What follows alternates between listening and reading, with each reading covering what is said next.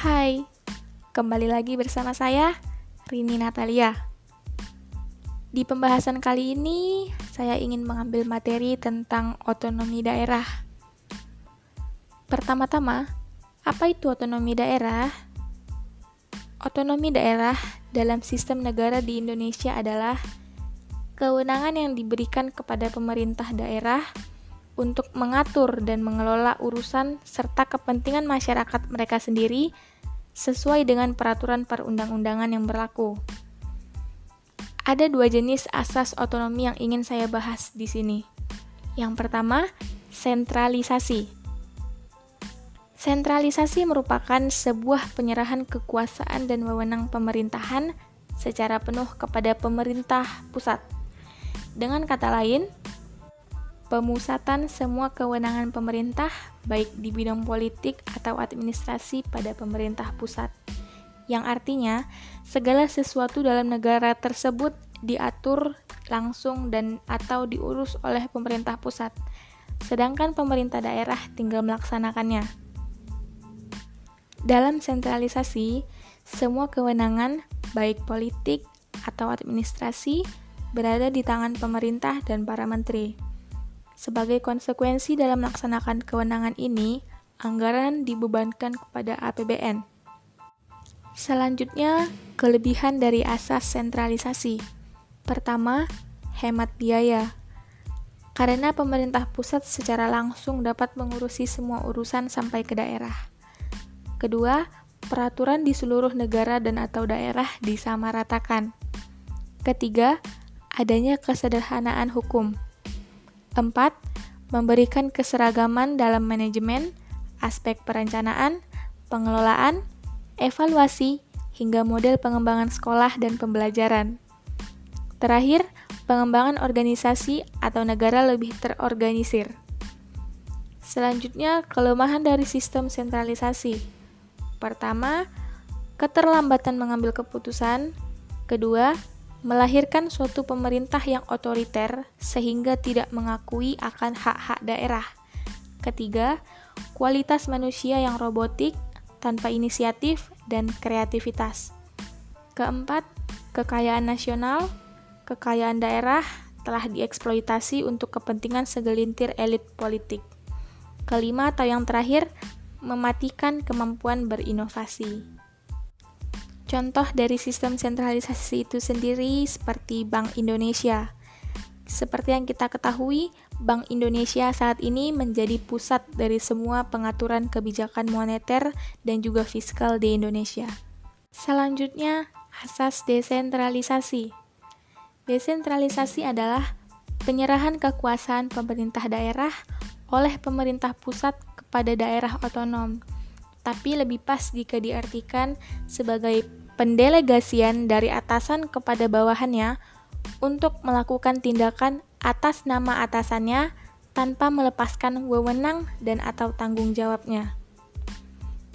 Beberapa urusan pemerintahan yang wajib dilaksanakan oleh pemerintah daerah yaitu pelayanan dasar seperti pendidikan, pekerjaan umum, perumahan rakyat dan kawasan pemukiman, ketentraman dan ketertiban umum, perlindungan masyarakat, serta sosial. Pemerintah juga menyerahkan urusan kesehatan sebagai urusan rumah tangganya sendiri. Sebagai contohnya saja pandemi ini. COVID-19 menjadikan pemerintah daerah berusaha melaksanakan asas desentralisasi ini dengan segala kewenangan yang dimilikinya, contohnya saja dalam hal pelaksanaan PSBB, baik di tingkat provinsi maupun kabupaten atau kota. Kemandirian daerah akan menemukan makna yang wajar selama masing-masing daerah dihargai kebebasannya untuk mengelola segala potensi dan kekayaan alamnya. Di samping itu, penerapan desentralisasi adalah wujud kepercayaan terhadap kemampuan daerah dalam menyelenggarakan dan mengelola pembangunan di daerahnya. Oleh sebab itu, desentralisasi yang telah berjalan saat ini merupakan bagian dalam upaya membangun masyarakat yang demokratis. Dan lagi, terlepas dari adanya pandemi COVID-19 atau tidak, penguatan desentralisasi merupakan tuntutan reformasi daerah dan juga tuntutan kebebasan yang lebih luas. Menurut saya, pemerintah melaksanakan desentralisasi kekuasaan disebabkan beberapa alasan. Yang pertama, jika dilihat dari sudut politik, desentralisasi dimaksudkan untuk mencegah penumpukan kekuasaan yang pada satu pihak saja. Kedua, dari bidang politik. Penyelenggaraan desentralisasi dianggap sebagai tindakan pendemokrasian. Jadi rakyat bisa ikut serta dalam pemerintahan dan bisa juga untuk melatih diri dalam mempergunakan hak-hak demokrasi.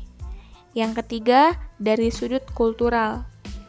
Desentralisasi perlu diadakan supaya dapat perhatian sepenuhnya ditumpahkan kepada kekuasaan atau kekhususan suatu daerah seperti geografi, keadaan penduduk, kegiatan ekonomi, watak kebudayaan, atau latar belakang sejarah daerah tersebut. Yang terakhir dari sudut pandang kepentingan pembangunan ekonomi. Desentralisasi diperlukan karena pemerintah daerah dapat lebih banyak dan secara langsung membantu pembangunan tersebut. Selanjutnya, visi otonomi daerah. Ada tiga visi otonomi daerah, yaitu politik, ekonomi, dan sosial budaya. Visi otonomi di bidang politik yaitu otonomi daerah dijadikan pembuka ruang untuk kepala daerah yang dipilih secara demokratis dan menciptakan sistem pemerintahan yang mementingkan kepentingan masyarakat luas dan mekanisme pengambilan keputusan yang dapat dipertanggungjawabkan pada publik. Visi otonomi daerah di bidang ekonomi mengandung makna bahwa otonomi di satu pihak harus menjamin lancarnya kebijakan ekonomi nasional di daerah dan pihak lain mendorong terbukanya peluang bagi pemerintah daerah untuk mengoptimalkan pendayagunaan potensi ekonomi di daerahnya. Dengan demikian, memungkinkan lahirnya prakarsa pemerintah daerah untuk menawarkan fasilitas investasi, mempermudah proses perizinan usaha, dan membangun berbagai infrastruktur yang menunjang perputaran ekonomi di daerah. Yang terakhir, visi otonomi daerah di bidang sosial dan budaya adalah untuk memelihara dan mengembangkan nilai tradisi, karya seni, karya cipta, bahasa dan sastra lokal yang dipandang kondusif dalam mendorong masyarakat untuk merespon positif dinamika kehidupan di sekitarnya dan juga kehidupan global. Selanjutnya, prinsip otonomi daerah. Ada tiga prinsip otonomi daerah. Pertama, prinsip otonomi seluas-luasnya. Berdasarkan prinsip ini, suatu daerah akan diberikan kewenangan untuk mengatur dan mengurus urusan rumah tangganya sendiri kecuali jika terdapat wewenang yang menurut peraturan perundang-undangan memang menjadi kewenangan dari pemerintah pusat. Kedua, prinsip otonomi nyata. Berdasarkan prinsip ini, suatu daerah diberikan kewenangan untuk menangani urusan pemerintahan yang didasarkan atas tugas, wewenang, dan kewajiban yang secara nyata sudah ada serta mempunyai potensi untuk dapat terus tumbuh, berkembang, sekaligus hidup sesuai potensi suatu daerah tertentu. Yang terakhir atau yang ketiga adalah prinsip otonomi yang bertanggung jawab. Prinsip ini bermakna dalam suatu sistem penyelenggaraan pemerintahan. Harus pula disesuaikan dan diperhatikan tentang adanya tujuan dan maksud dari pemberian otonomi. Tujuan yang ingin dicapai menurut prinsip ini adalah mampu memberdayakan masing-masing daerahnya dalam rangka meningkatkan kesejahteraan di masyarakat luas.